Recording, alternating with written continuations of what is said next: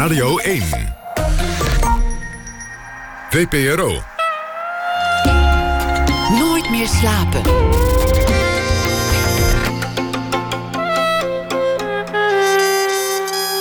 Met Pieter van der Wielen. Goedenacht en welkom bij Nooit meer slapen. Zo is de wereld. Het ligt buiten mijn macht. Met die woorden rechtvaardigen de twee slechterikken zich in Liaison Dangereuse, de 18e eeuwse brievenroman. Legendarisch verfilmd met Glenn Close en John Malkovich. En nu te zien in het De La Mar Theater met Mark Rietman als de duivelse Valmont en Tjitske Reidinga als Madame de Mertuil, die ook door en door slecht is. Geregisseerd door Nina Spijkers. Ik meende in de voorstelling een subtiele vingerwijzing naar Me Too te zien. Tjitske Reininga zit komend uur tegenover mij. Een actrice die al vaker het nieuwe De La Mar vol wist te krijgen. En Tjitske Reininga werd geboren in 1972. Brak bij het grote publiek door met Gooise Vrouwen. En dat is al een uh, dik decennium geleden. En ze is nu een van Nederlands bekendste en meest gevierde actrices. Tjitske, welkom. Dankjewel dat je gekomen bent. Ja, hallo. Leuk om je hier te zien. Ja, leuk om er te zijn. Jouw uh, personage in, in dit stuk, in, in dat legendarische verhaal is, is door en door slecht. Is een, een echt gemene ja. vrouw. Ja. Het is een vrouw die er genoegen in schept om, om alles wat verdorven, hypocriet en onaardig is in mensen naar boven te brengen. Ja, klopt. Ja. Maar ja, wel heel leuk en interessant om te spelen. Want, want dat soort, dit soort rollen zijn er niet zo heel veel. Dat je echt door en door slecht kan zijn. Nee, Nee, eigenlijk niet. Maar ik probeer, ik, ik probeer wel tijdens de voorstelling een beetje te laten zien van dat dat ook niet uit het niets komt, die slechtigheid. Dat zij zelf uh, waarschijnlijk, of zij is zelf ook zeg maar zo behandeld vroeger. Zij heeft het heel, denk ik, heel pittig gehad in het klooster en is ook op hele jonge leeftijd uitgehuwelijkt aan een veel oudere man. Uh, dat in gecombineerd met een enorme rijkdom en verveling haalt niet het mooiste in mensen naar boven. En is het daardoor in en in slecht, maar wel interessant om te spelen. Ook omdat je dit, zoveel, dit soort rollen ook niet zoveel hebt. En al helemaal niet voor vrouwen eigenlijk. En vroeger werd dit gezien, en nog steeds ook wel, als een behoorlijk feministische rol. Omdat zij overleeft door eigenlijk een man te worden. Uh, nu inmiddels is dat eigenlijk helemaal niet feministisch. Want ik pas me aan en wil een man worden, weet je wel. Om zo mijn positie in de wereld te versterken. Inmiddels kijken we daar weer anders naar. Dat is heel interessant ook, vind ik. En dat vind ik ook interessant in het stuk. Hè? Ook die hele MeToo-problematiek. Maar ook dat van je zo aanpassen aan een man... zodat je het weer aan kan. Dus er zaten wel heel veel lagen in om te spelen en heel veel kanten om uh, uit te zoeken. Je hebt daar ook wat, wat mee willen geven. Want de, de film met Glenn Close is heel bekend, waarin, Ja. waarin zij de slechterik speelt. Er is, is een oudere verfilming met, met Jean Moreau en, en muziek van Thelonious Monk. Die, Ja. Dat speelt dan gek genoeg in een, in een wintersportoord, Ja, in een soort wintersportresort. Beetje merkwaardige keuze. ja, wat geestig, dat wist ik helemaal niet. En je hebt ook nog, dus dat ga ik echt wel opzoeken, want dat klinkt zo goed. En je hebt ook een soort clueless of een soort. Nee, hoe heet het nou? Cruel Intentions. Een soort, eh, dat is volgens mij van 15 jaar geleden... met volgens mij Reese Witherspoon. Een soort eh, jongere versie heb je er ook nog van. Maar ik heb het allemaal niet bekeken. Want dan word je beïnvloed door andere grote acteurs die dat, die dat naar hun hand hebben gezet. Ja, nou ja, ik heb wel twee weken geleden toevallig... omdat ik eigenlijk op zoek was naar een scène uit Sense and Sensibility... eh stuitte ik erop. Dus toen heb ik er even naar gekeken. En toen dacht ik, oh... Toen vond ik het helemaal niet moeilijk of bedreigend of zo om naar te kijken. Want film is natuurlijk zo'n ander medium. En zij spelen natuurlijk zo klein en ingehouden in die zin. En het is zo in die tijd geplaatst... dat ik daar ook heel met, met veel plezier en ook een soort van afstand naar keek.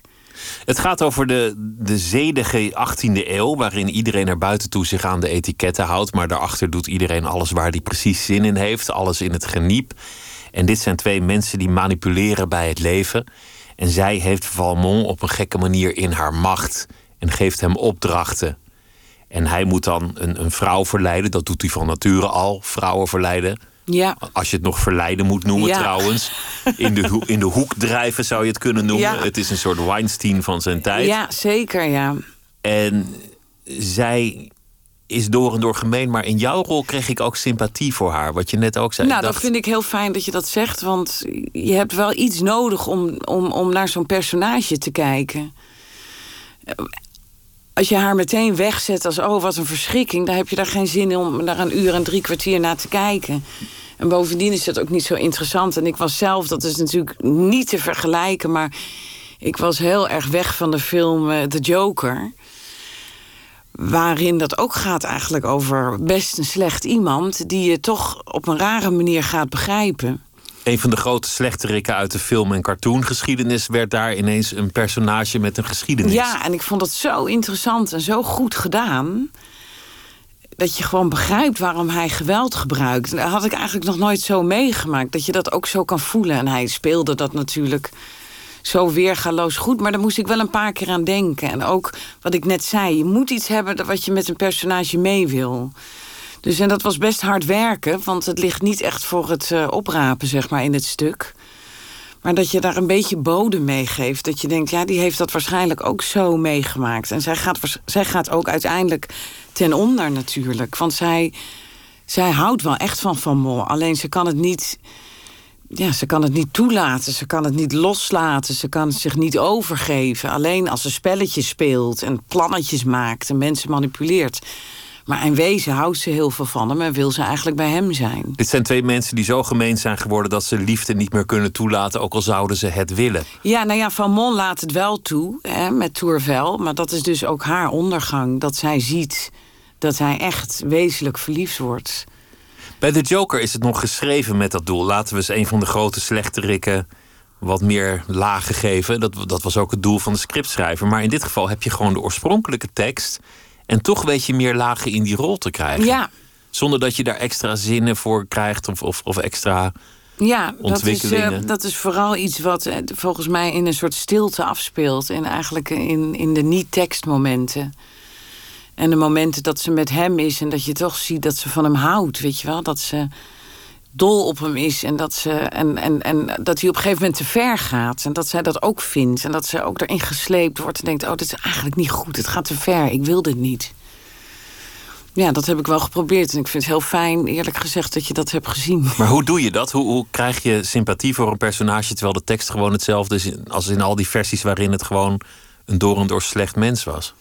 Nou, misschien wat ik net zei, geïnspireerd door de Joker. Of omdat je denkt van omdat ik dan denk, mensen zijn niet voor niet zo geworden. Daar is iets aan vooraf gegaan in het leven. Wil je zo, buiten het feit dat deze mensen natuurlijk ook heel erg rijk en heel decadent en verveling speelt natuurlijk ook een hele belangrijke rol. Het hele jaar op zo'n kasteel rondslenteren met die lange ja. gangen, dat, dat lokt uit tot intrige en affaires. Ja, dat is gewoon een enorme verveling. En die verveling en die spelletjes spelen, dat zijn ze, zijn ze normaal gaan vinden in het leven. Dat, vond ik ook een, dat vind ik ook een heel interessant uh, aspect aan het stuk. Die verveling en wat dat met mensen doet. Maar al heel snel dacht ik ook vooral aan Epstein of Epstein. Ik denk altijd, het is nou Epstein of Epstein. En zijn hoerenmadam, weet je wel, die dat eiland hadden. Die man die alle welvarende, machtige mannen van de wereld uitnodigde... om ze met jonge meisjes kennis te laten maken. Precies, die. En die had dus vrouwen, of twee vrouwen met name... die die meisjes voor hem regelden. En eigenlijk die die meisjes voor hem, om het maar even heel naar te zeggen... zoals het ook in het stuk wordt gezegd... nou ja, eigenlijk inreed, inreden om ze klaar te maken voor die mannen. En dat waren allemaal hele jonge meisjes. Nou, dat is niet lang geleden gebeurd en dat zal nog steeds wel gebeuren. Maar ik vond het ongelooflijk chockerend als vrouw... dat vrouwen daar dus aan mee hadden geholpen. En waarom je dat zou doen, waarom je zo ver gaat. Die vrouwen hebben later misschien zelf dochters gekregen... en misschien zelf gedacht toen die veertien waren... ja, dit soort meisjes ontving ik en die ging ik dan lesgeven... in hoe ze dan uh, die mannen moesten verwennen. Ja, dat vond ik, vind ik uh, heel heftig. Dat zit ook in, in dit stuk, dat zij ja. op een gegeven moment... een, een zeer overstuur jong meisje die zojuist is... Uh, nou ja, aangerand door, door Valmont. Ja troost en zegt: Nou, nu ben je volwassen, geniet er maar van. Ja. Want, want zo zal het gaan voortaan. Ja, want zo Leer is het maar ook mee met mij gegaan. Dus ik probeer haar eigenlijk echt wel oprecht in die zin iets te leren. Ik probeer haar de, een soort etiketten te geven om uh, het leven in te gaan met mannen. En haar een soort vrijheid te geven om het met zoveel mannen te doen als ze wil. En uh, dus ik geef haar weer door wat mij, uh, wat, wat, eigenlijk aan mannen toen werd doorgegeven. En ik geef het als vrouw aan haar door. Maar er is ook iets, dat heb ik ook in proberen te brengen. Er is ook een soort van, wel een soort van oprechte liefde wat ik voor dat jonge meisje voel. Of een soort uh, medelijden, ook wel een beetje.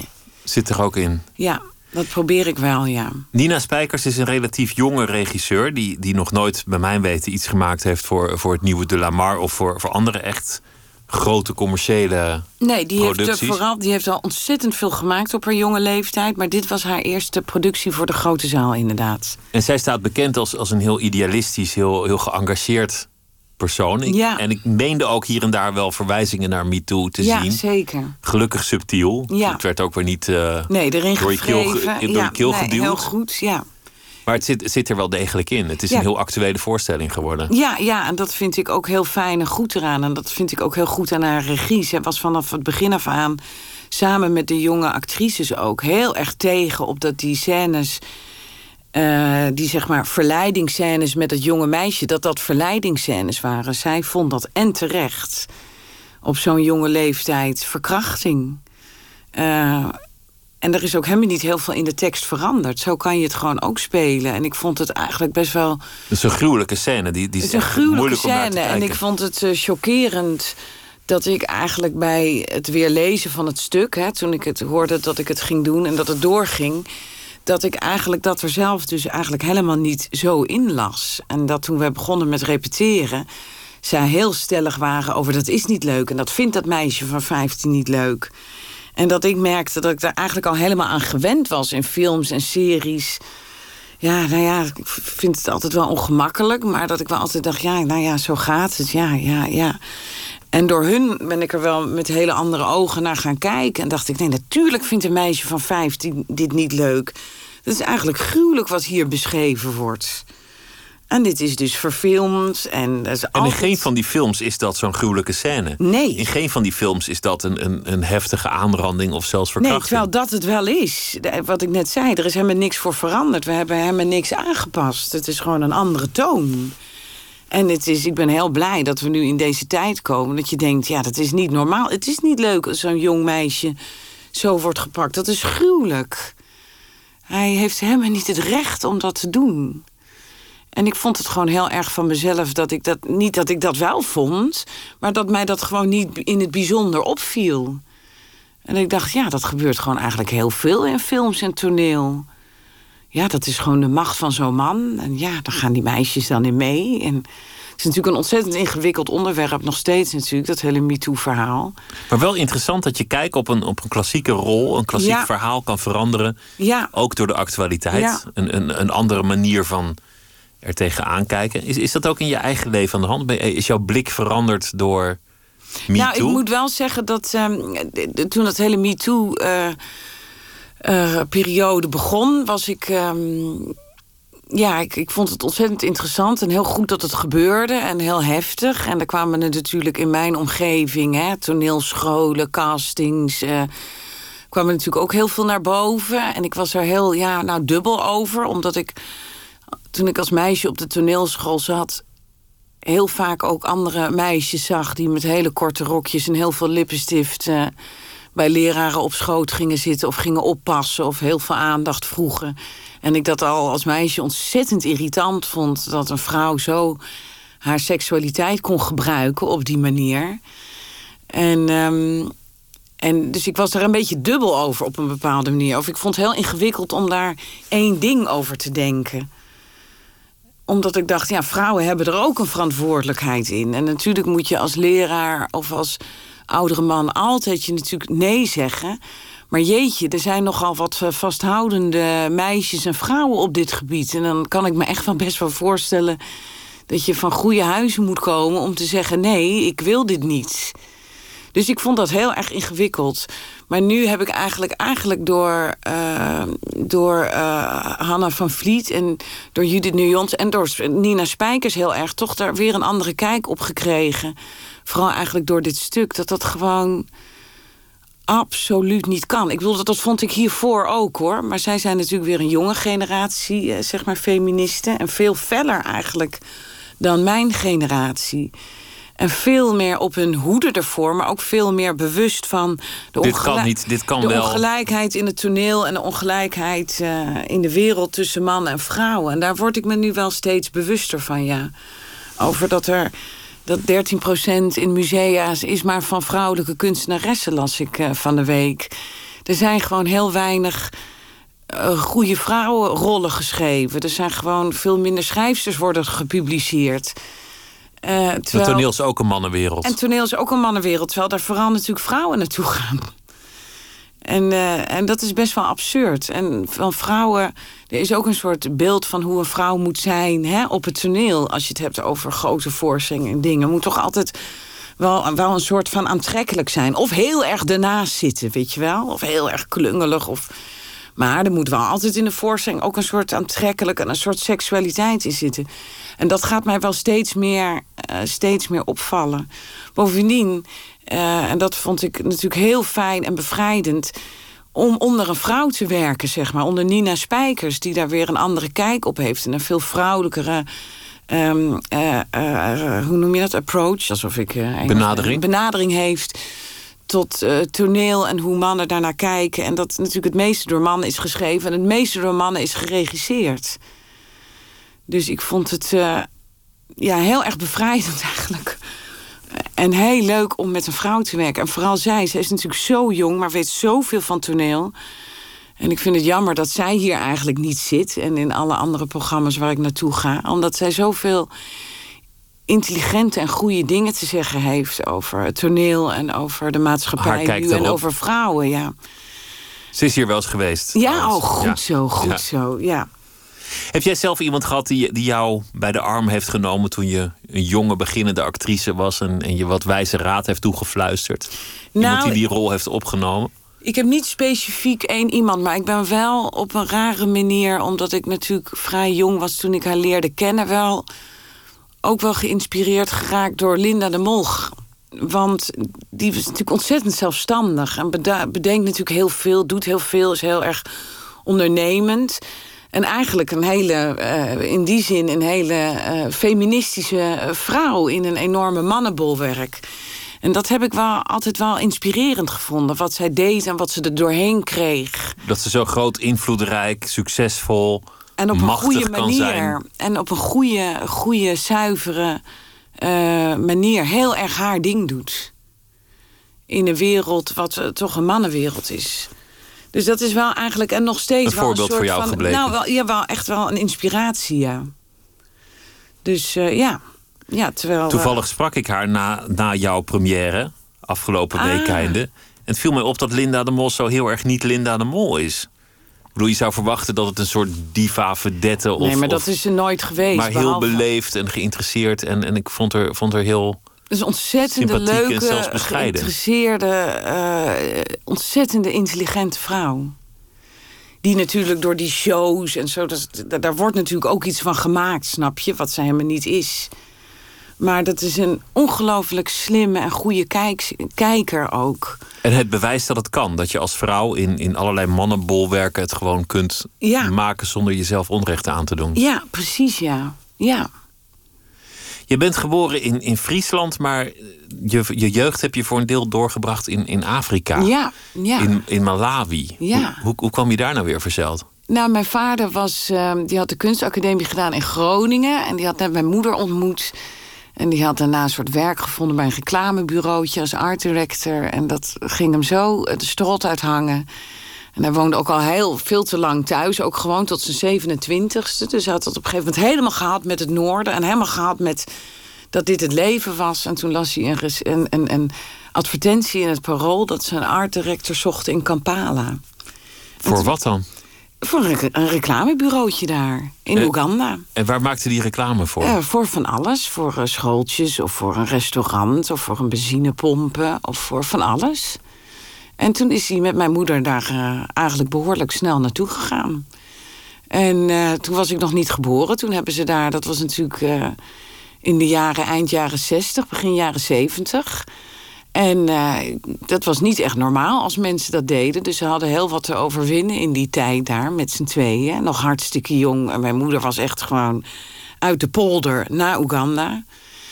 En eh, toen ze het net daar een beetje zich thuis begonnen te voelen en iets hadden eh, overwonnen, toen brak de revolutie uit met Amin. En toen zijn ze eh, eigenlijk weggevlucht. En toen hebben ze een twee jaar in uh, Sneek gewoond. Toen is mijn moeder zwanger geworden van mij.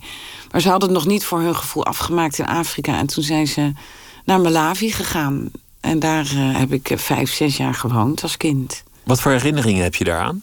Ja, wel hele goede herinneringen, maar in wel, wel heel erg veel herinneringen qua ruimte en warmte en vrijheid. En s ochtends alleen naar school.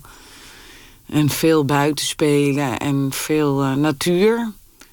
En dan naar een internationale school, neem ik aan. Ja, een heel klein internation uh, internationaal schooltje, ja, met uniform, uniformpjes, ja.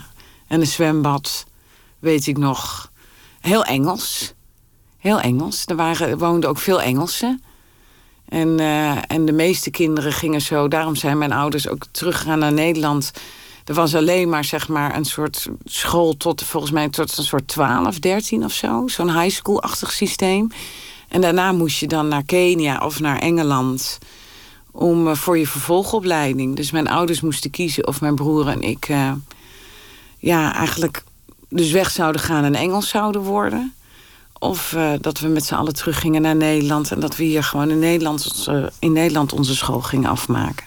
Fascinerend verhaal. Dat, dat hij daarvoor een, een, baan in de reclame naar Afrika gaat. Ja. Avontuurlijk natuurlijk. Ja, en toen later is hij hier weer in de reclame doorgegaan. En mijn vader maakte, ja, daar kan, kan ik nog steeds om lachen. Het is natuurlijk helemaal niet om te lachen. Is daarna heel groot geworden eigenlijk in het maken van reclame voor sigaretten. Oh ja. In de jaren dat dat nog kon, hè, met ja. sportfoto's. En hij is van de wereld van stuiversand, heeft hij bedacht. En, van, van stoere, mooie mannen die, ja, die uh, kracht uitstralen met een babbeltje. Ja, ja, ja, die van wilde rivieren af peddelen... en daarna met een, rond een houtvuurtje gaan roken, ja. Mooie reclames, maar misschien niet voor het goede doel. Nee, nee, nee, inmiddels niet meer, nee.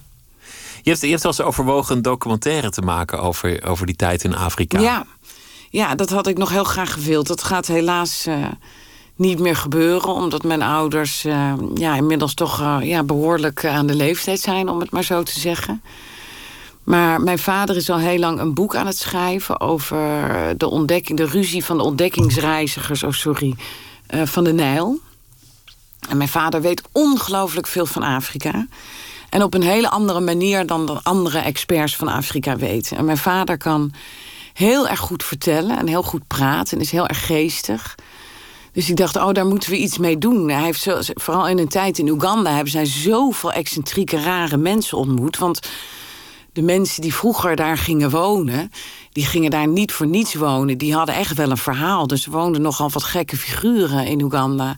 En hij kan daar zo weergaloos over praten. En ook over die ontdekkingsreizigers en over de hele geschiedenis daar, ook over de slavernij. Het is een ongelooflijk belezen iemand, mijn vader. Dus ik dacht, dit is een goed idee om daar iets over te doen... om met hem terug te gaan naar bepaalde plekken... en hem gewoon verhalen te laten vertellen. Maar het is niet gelukt. Ah, wat jammer. Ja, ja nee, het is niet uh, gelukt. En uh, misschien dat ik een andere manier vind. Laatst dacht ik, oh, misschien moet ik wel een podcast of zo gaan maken met hem of uh, iets, een andere vorm gaan verzinnen om toch die verhalen die zo interessant zijn en zo anders, om die toch uh, ja, verteld te krijgen. Maar hij zit al jaren boven een boek te schrijven, dus wie weet is dat. Uh, doet hij het dat zelf niet meer wel? en doet hij het zelf wel. Maar um, ik hoop daar wel ooit iets mee te gaan doen, ja. Ben je zelf zo avontuurlijk aangelegd als hij? Heb jij dat bloed in je? Ja, ik ben wel avontuurlijk aange aangelegd en ik hou ongelooflijk van reizen. Eigenlijk is mijn grote droom een reisprogramma maken. Um, maar ja, dat gebeurt nu inmiddels eigenlijk zoveel. Bekende mensen die op reis gaan en die. Dus ja, dat is nou wel een beetje klaar, denk ik. Daarom vond ik dit ook wel een goed idee, omdat hij zulke andere verhalen heeft en een andere kijk.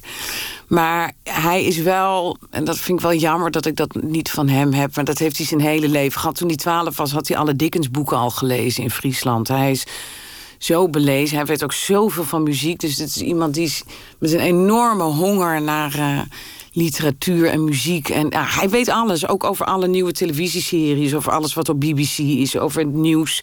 Het is een soort enorme spons, een soort Woody Allen-achtige spons. Nou, een beetje Maarten van Rossum-achtige vader heb ik. Oh ja, ook, ook dat nuffige? Ja, nee, nee, dat dan niet. Oh. Het is een soort uh, schoongepoetste uh, anti-roos versie van, uh, van Maarten van Rossum. Maar dat doet hij me wel heel erg aan denken. Ja. Ik ben benieuwd wat je overhoudt als je de, de, de roos van Maarten van Rossum afdoet als een soort archeoloog. Ja. ja waarschijnlijk heel veel eruditie en heel veel, Ja, precies. Ja, ja, heel veel kennis. Jouw eerste acteer, nou ja, werk was het absoluut nog niet. Die eerste acteerervaringen waren ook daar in Afrika op die, op die internationale ja, en dat kan ik me ook nog herinneren. Daar was ik en daar maakte mijn vader schilderde dan de decors, weet ik nog. En mijn moeder iets met kostuums of iets anders. En ik was dan uh, een, een rode poes. Dat is mijn herinnering eigenlijk. En ik had echt een heel serieus uh, poezenpak aan. En ik weet wel dat ik dat heerlijk vond. Dat ik dat van jongst af aan vond. Ik het heerlijk om uh, toneelstukjes te spelen. Dus uh, dat is eigenlijk op een hele vanzelfsprekende manier. Uh, ben ik eigenlijk naar de toneelschool gegaan en nou ja, ben ik geworden wat ik ben. Dat, dat was eigenlijk altijd, ja, eigenlijk wel, ja. Ik was wel heel onzeker of het zou gaan lukken. Daar had ik wel heel veel twijfels over. Want ik was nou, niet echt een brok zekerheid. Maar aan de andere kant, ja, ik was er heel erg van overtuigd dat dit het enige was wat ik misschien een beetje zou kunnen. Dus ja, dat was gewoon, ik kon niet heel goed leren. Was niet.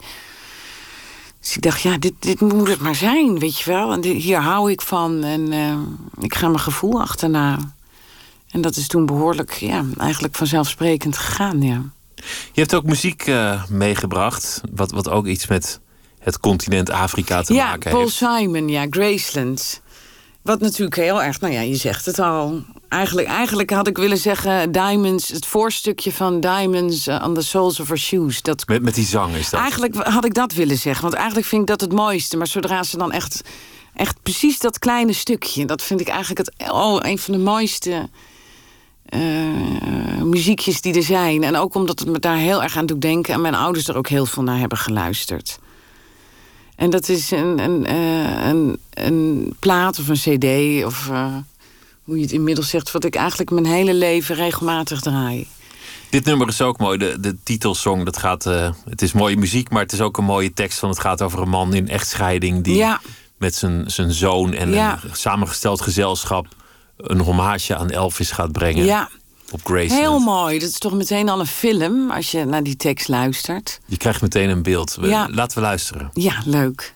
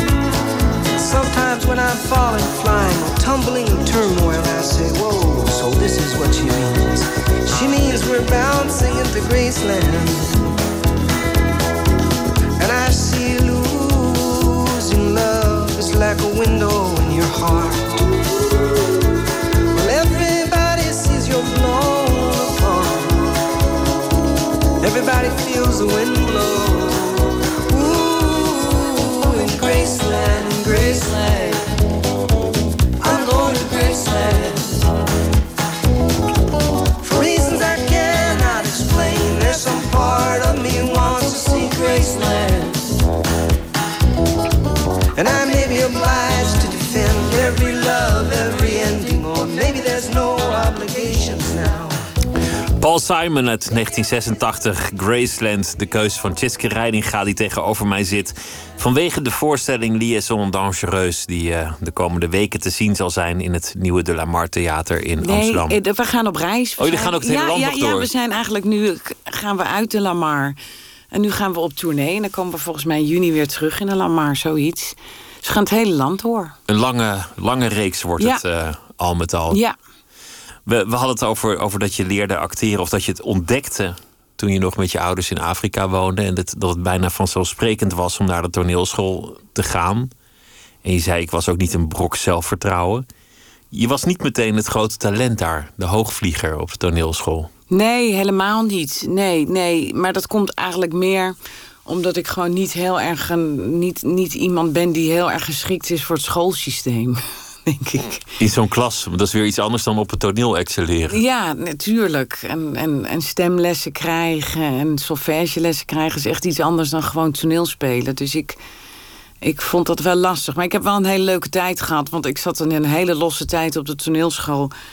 Waarin ik zelf toen ook al zelf dingen ging ondernemen en projectjes ging bedenken. En daar leerde ik eigenlijk het meeste van.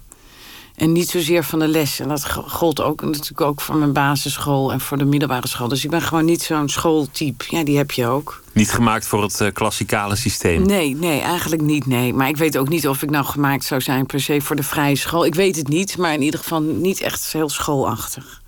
Was er twijfel of je door moest gaan Met de, eh, met de toneelschool? Ehm, ja, ik ben blijven zitten. Ik ben in het eerste jaar totaal onverwachts blijven zitten.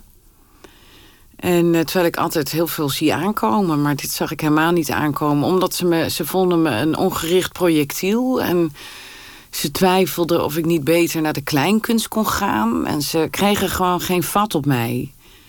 Dat was ook wel een beetje de klacht, ook op de middelbare school. Ze wisten gewoon niet zo goed wat, we, wat, ze, met me, wat ze met me moesten. Nou ja, nu heb ik een zoon, die heeft dat ook.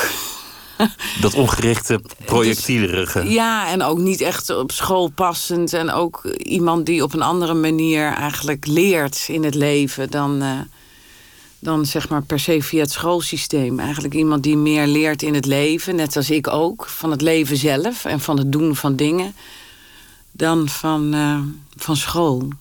Maar het lijkt me best een, een, een crisis als je blijft zitten, niet goed wordt bevonden in het enige waarvan je denkt dat je het kan. Ja, daarom als er ook was- geen plan B is. Nee, nee, nee, dat was ook een crisis. Maar ja, crisis, crisisje inmiddels. Maar eh, ik ben toch gewoon altijd eh, stug doorgegaan. En wat wel goed was achteraf. Ik werd natuurlijk helemaal niet gezien als eh, goed of heel talentvol of zo op school. Dus ik had niet zoveel te verliezen. En er zaten een aantal mensen bij mij op school of bij mij in de klas die ontzettend goed waren. En die op school echt, weet je wel, het heel goed deden.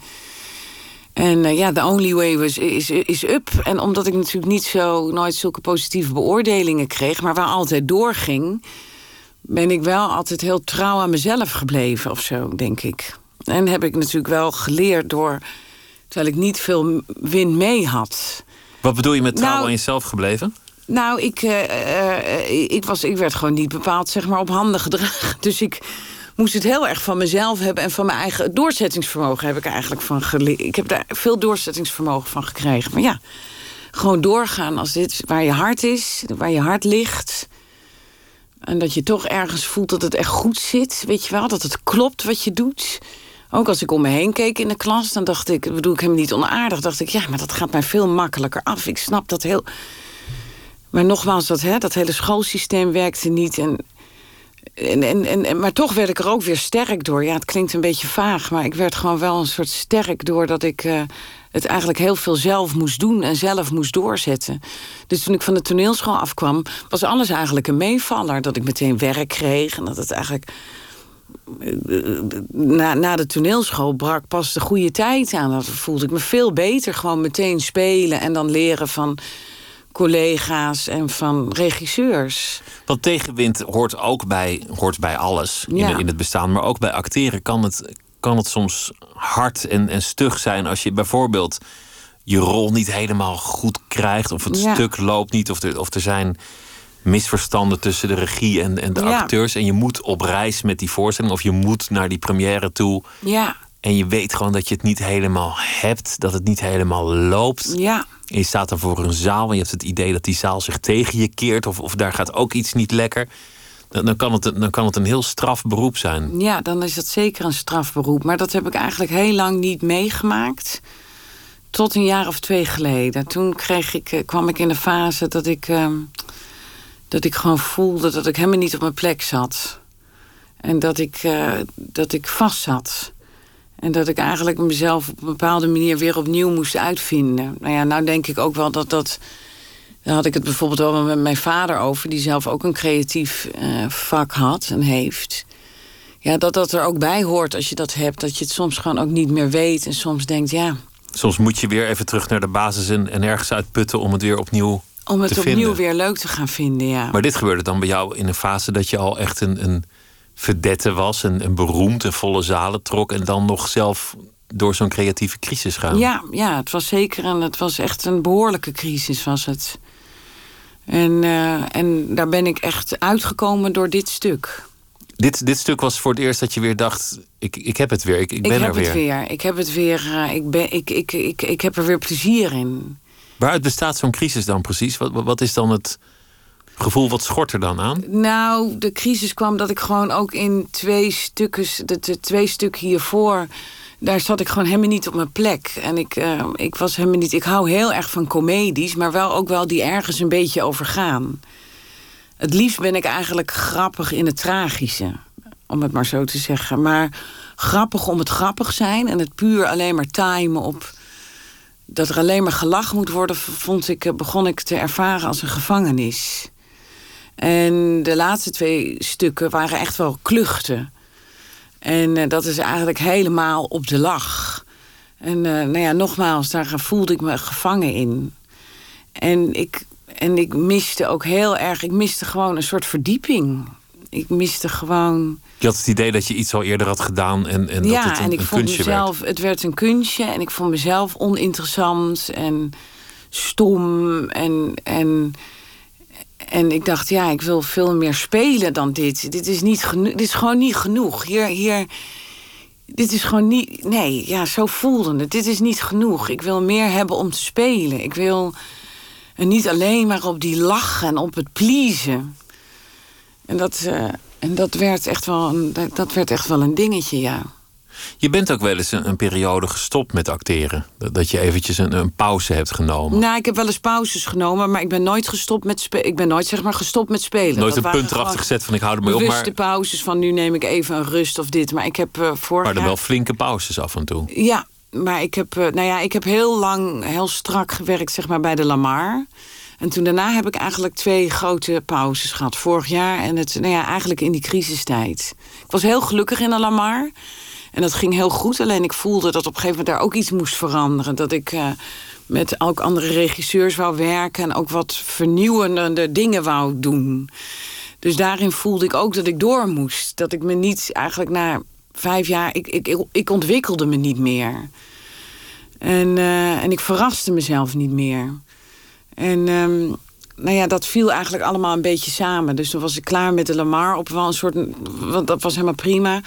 Maar toen wist ik eigenlijk niet meer hoe ik verder moest. Want ik wou niet meer zo verder. Maar ja, hoe dan?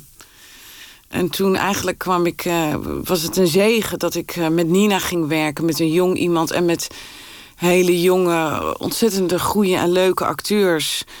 Dus er ging opeens, binnen een week eigenlijk kwam er een soort enorme frisse wind ging door me heen. En kreeg ik hele nieuwe inspiratie. En voelde ik me weer helemaal op mijn plek in een klein lokaal gewoon iets maken. Gewoon weer het, het speelplezier het terugvinden. Speel, uh, ja, het speelplezier terugvinden. En dat vond ik toen gelukkig heel snel terug. Wat doe jij als je ergens niet op je plek bent? Hoe uitzicht dat? Dan word ik heel uh, van binnen, daar merk verder uh, mensen weinig van, word ik heel uh, zenuwachtig. Ben ik eigenlijk de hele dag zenuwachtig. Ja. Terwijl ik dan van buiten heel veel rust en beheersing uitstraal. Waarschijnlijk omdat je dan zo je best doet om dat in te houden. Om dat onder controle te krijgen. Ja. ja.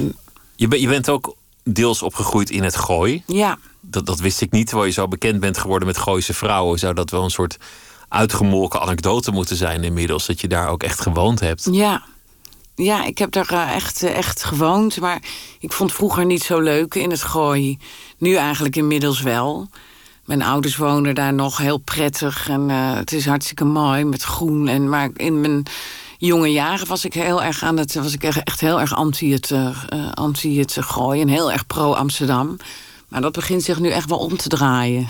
Nu je ook de idylle ervan kunt zien. Ja, en de ruimte en gewoon meer rust. En nu de stad gewoon drukker wordt, voor mijn gevoel. Nou, volgens mij is dat ook zo.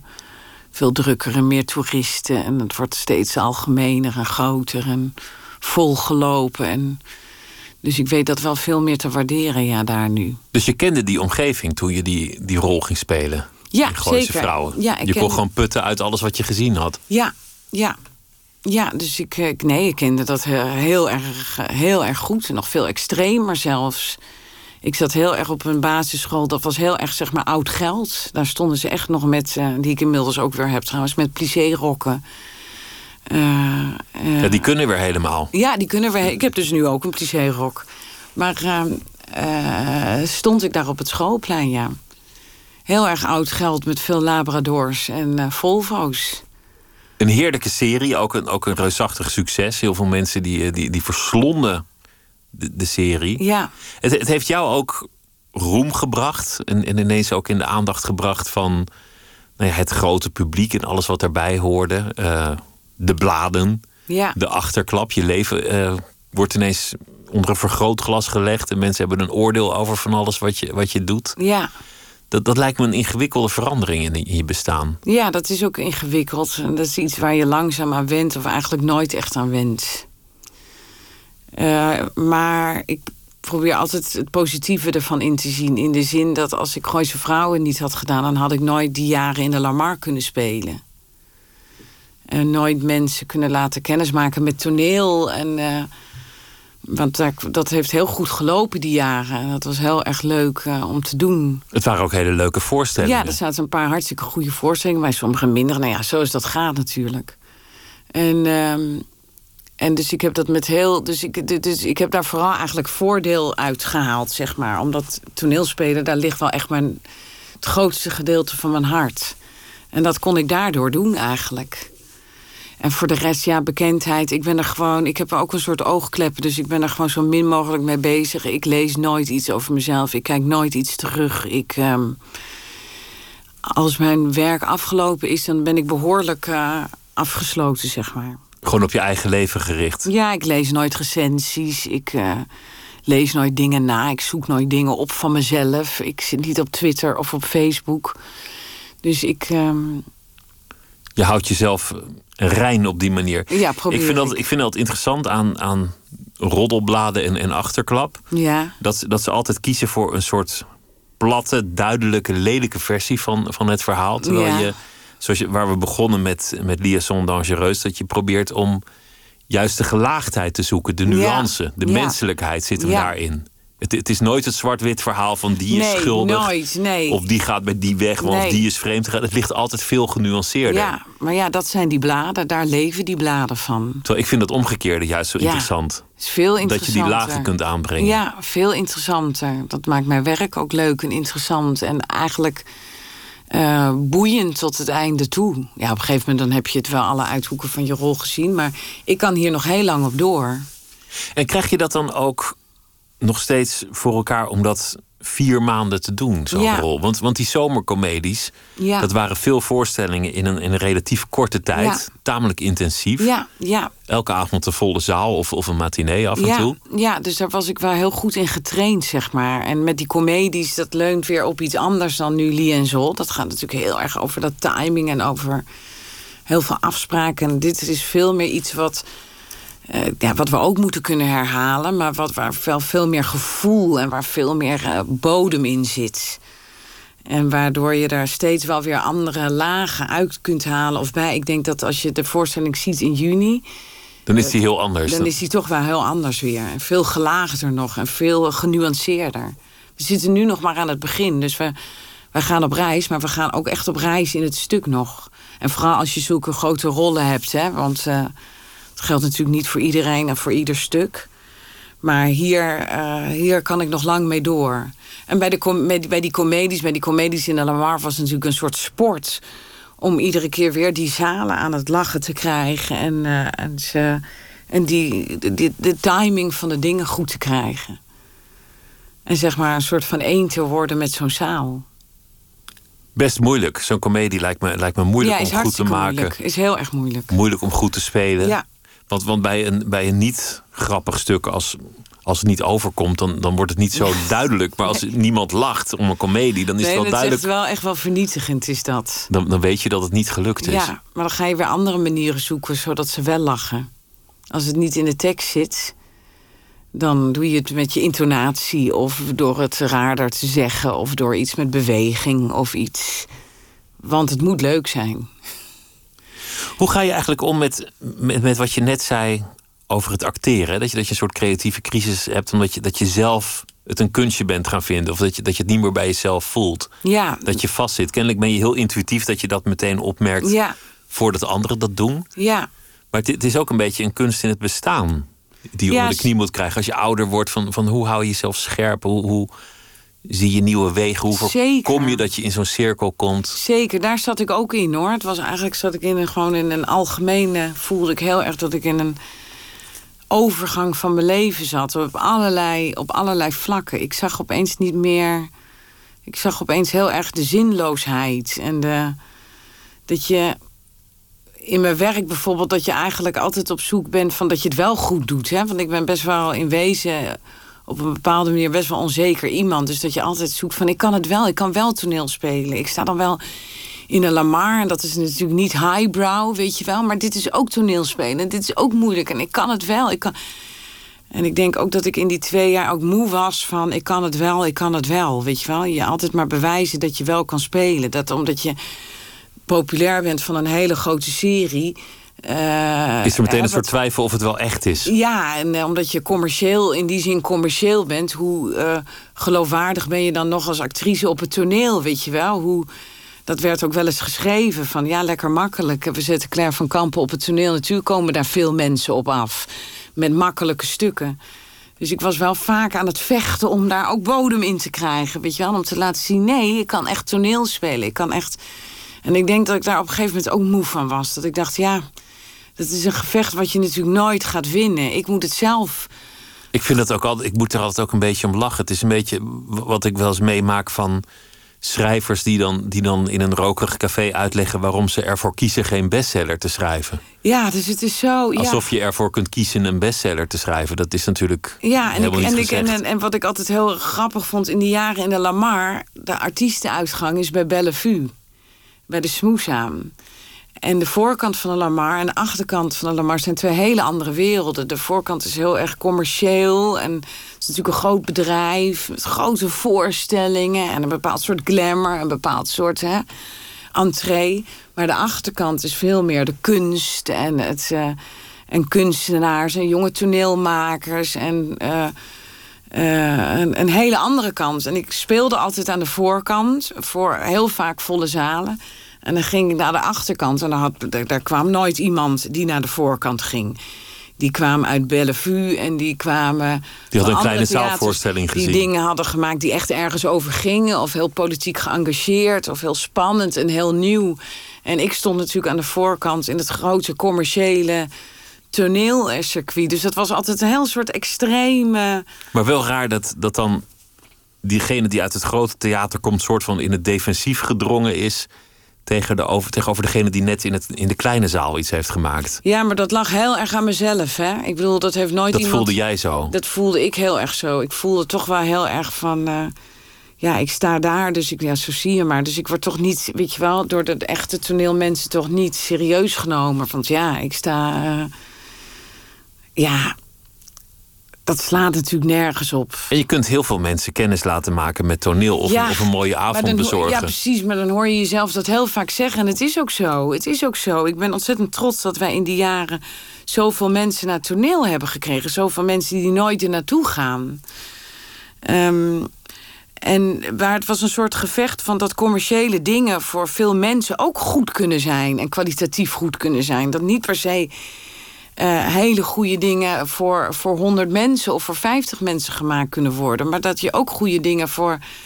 Dat gevecht had ik een beetje in me. Weet je van, het is wel goed. En bovendien maken wij iets ook voor een groot publiek. Ik heb ook wel eens hele slechte dingen gezien die voor 50 man gemaakt Ja, waren. Hartstikke veel slechte dingen gezien. Maar dat is gewoon mijn onzekerheid. Hè? Dat zegt iets over mij. Die worsteling, dat- die was, heb je die worsteling ook nodig om goed te blijven? Moet je, moet je jezelf het een beetje mentaal moeilijk maken om scherp te blijven? Nou, mijn vader zei altijd, en daar ben ik het echt wel heel erg mee eens naarmate ik ouder word, dat onzekerheid hoort bij wat je doet. En dat maakt je ook goed. Bij het beroep hoort het, bij creativiteit. Bij creativiteit, de twijfel en de, het gevecht soms daarmee en jezelf opnieuw uitvinden. Dat komt ook door onzekerheid. Omdat je denkt, dit is niet goed meer. Dit is niet... Eh, dus dat hoort erbij. Dat is ook de zware kant eraan, maar dat is ook de creatieve kant. Bovendien vind ik acteurs die geen onzekerheid laten zien eh, niet zo interessant zelf. Dan staat er niks op het spel als je alles voor elkaar hebt. Ja.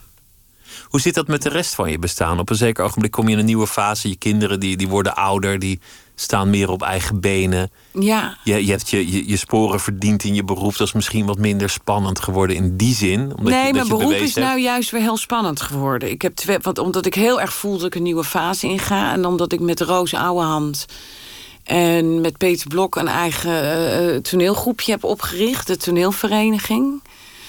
Dus, ehm, eh, dus ik ga wel echt wel nieuwe dingen doen. Ik blijf ook zeg maar commerciële dingen doen. Want ik moet, moet natuurlijk ook brood op de plank. Maar eh, ik blijf ook in die zin, daar zit de vernieuwing nu meer in. Dat we zelf iets gaan oprichten.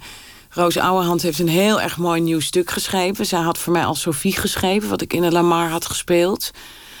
En dat vond ik ook het mooiste stuk wat daar stond, zeg maar, wat, wat ik heb gedaan. Qua voor een groot publiek en wat echt wel ergens over gaat. En eh, zij heeft weer iets heel moois geschreven. En dat gaan wij zelf eigenlijk produceren.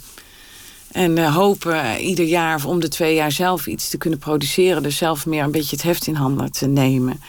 In een wereld die wel vooral wordt gedomineerd door... eh, Door ja, mannen door- komen. Ja, Komen deze twee vrouwen eraan? En, Ja. en, en wie hoop je te zijn in de komende jaren in je eigen bestaan? Nou, ik hoop dat het een beetje zo doorgaat zoals, het net weer begonnen is. Dat ik mijn plezier heb gevonden in het spelen en in dingen maken. Dat, dat, dat is toch de basis. Want als je dat niet hebt, dan kun je... over- Spelplezier. Ja.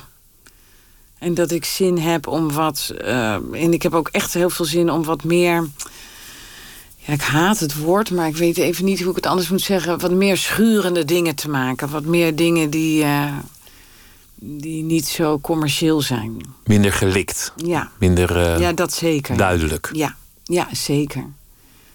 Ja, en dat is wel gelukt met deze voorstelling, want hier komen best wel veel mensen uit eh, die denken: oké, omdat het lachen je toch een beetje vergaat. En omdat je dit niet weg kan zetten als een komedie of als. eh, Nee, dat was het ook weer niet. nee, en dat je toch voelt: oké, ja, dat is toch, zitten toch wel heftige scènes in. Het is niet eh, een hapklare brok wat je tot je neemt. Daar was ik zelf ook wel aan toe, zeg maar. Om daar, dat zal voor sommige mensen eh, zal dat moeilijk zijn om mij zo te zien, denk ik. Dat het niet een hele makkelijke entertaining uh, lachenavond is. Maar dit is wel de kant waar ik uh, veel meer wil opgaan. Een mooi klassiek verhaal dat, dat schuurt, dat actueel is, dat pijnlijk is, universeel is. Maar dat ook laat zien dat mensen in de 18e eeuw niet wezenlijk anders zijn dan wij. Ja, We zijn allemaal nog even hypocriet, slecht, gemeen. Aan de andere kant misschien goed bedoelend of naïef. Ja. De mensheid is ook weer, ook weer niet echt veranderd, geloof ik. Nee. Uiteindelijk. Ook weer treurig, maar ja. Nee, daar heb je helemaal gelijk in, ja. Het is nog steeds hetzelfde. Het is jammer eigenlijk dat het nog zo actueel is, zo'n stuk. Hè, qua je had gehoopt dat het echt een andere tijd was. En, en Ja, ik hoop dat het over een paar jaar echt niet meer actu- actueel is, zeg maar. En dat we echt een sta in het toneel en qua vrouwen echt een eh, stap vooruit gaan zetten. Dat jonge regisseuses zoals Nina ehm, alle kansen krijgen om zich eh, zo goed mogelijk te ontplooien. En ook dat als een, als een jonge vrouw wordt aangevallen, seksueel aangevallen door een man, dat de schaamte bij de vrouw ligt. Ja. Dat, dat is nu nog steeds vaak zo. ja, dat is nog steeds vaak zo. Ik hoop heel erg dat eh, dat ook verdwijnt. Ja, dus er is nog wel wat te doen. Dankjewel dat je langs wilde komen. En het eh, stuk is eh, nog te zien in vele hoeken van het land. Liaison Dangereuse. Met eh Mark Rietman als eh, de gruwelijke Falmont. Tjitske Reininga, dankjewel. En heel Ja. veel eh, succes en ook heel veel plezier met ja, het stuk. dankjewel, dankjewel. En morgen dan is in Nooit meer slapen Christine Otte te gast. Zij is schrijver. Zij brak door met het boek De Laatste Dichters. En ze heeft een nieuwe roman, Eén van ons. En dat gaat ook over de wereld van goed en kwaad. En zometeen Miss Podcast met Misha Blok. Ik wens u nog een hele goede nacht.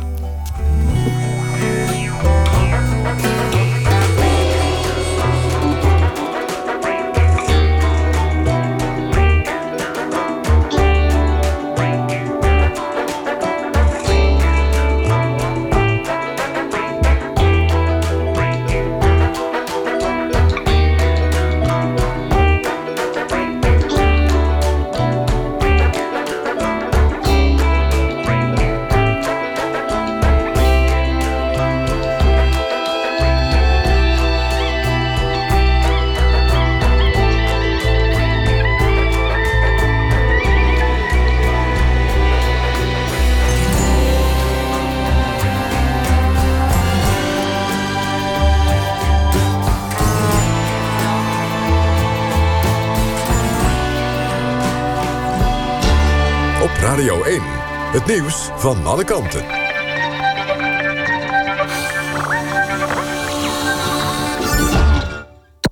NPO Radio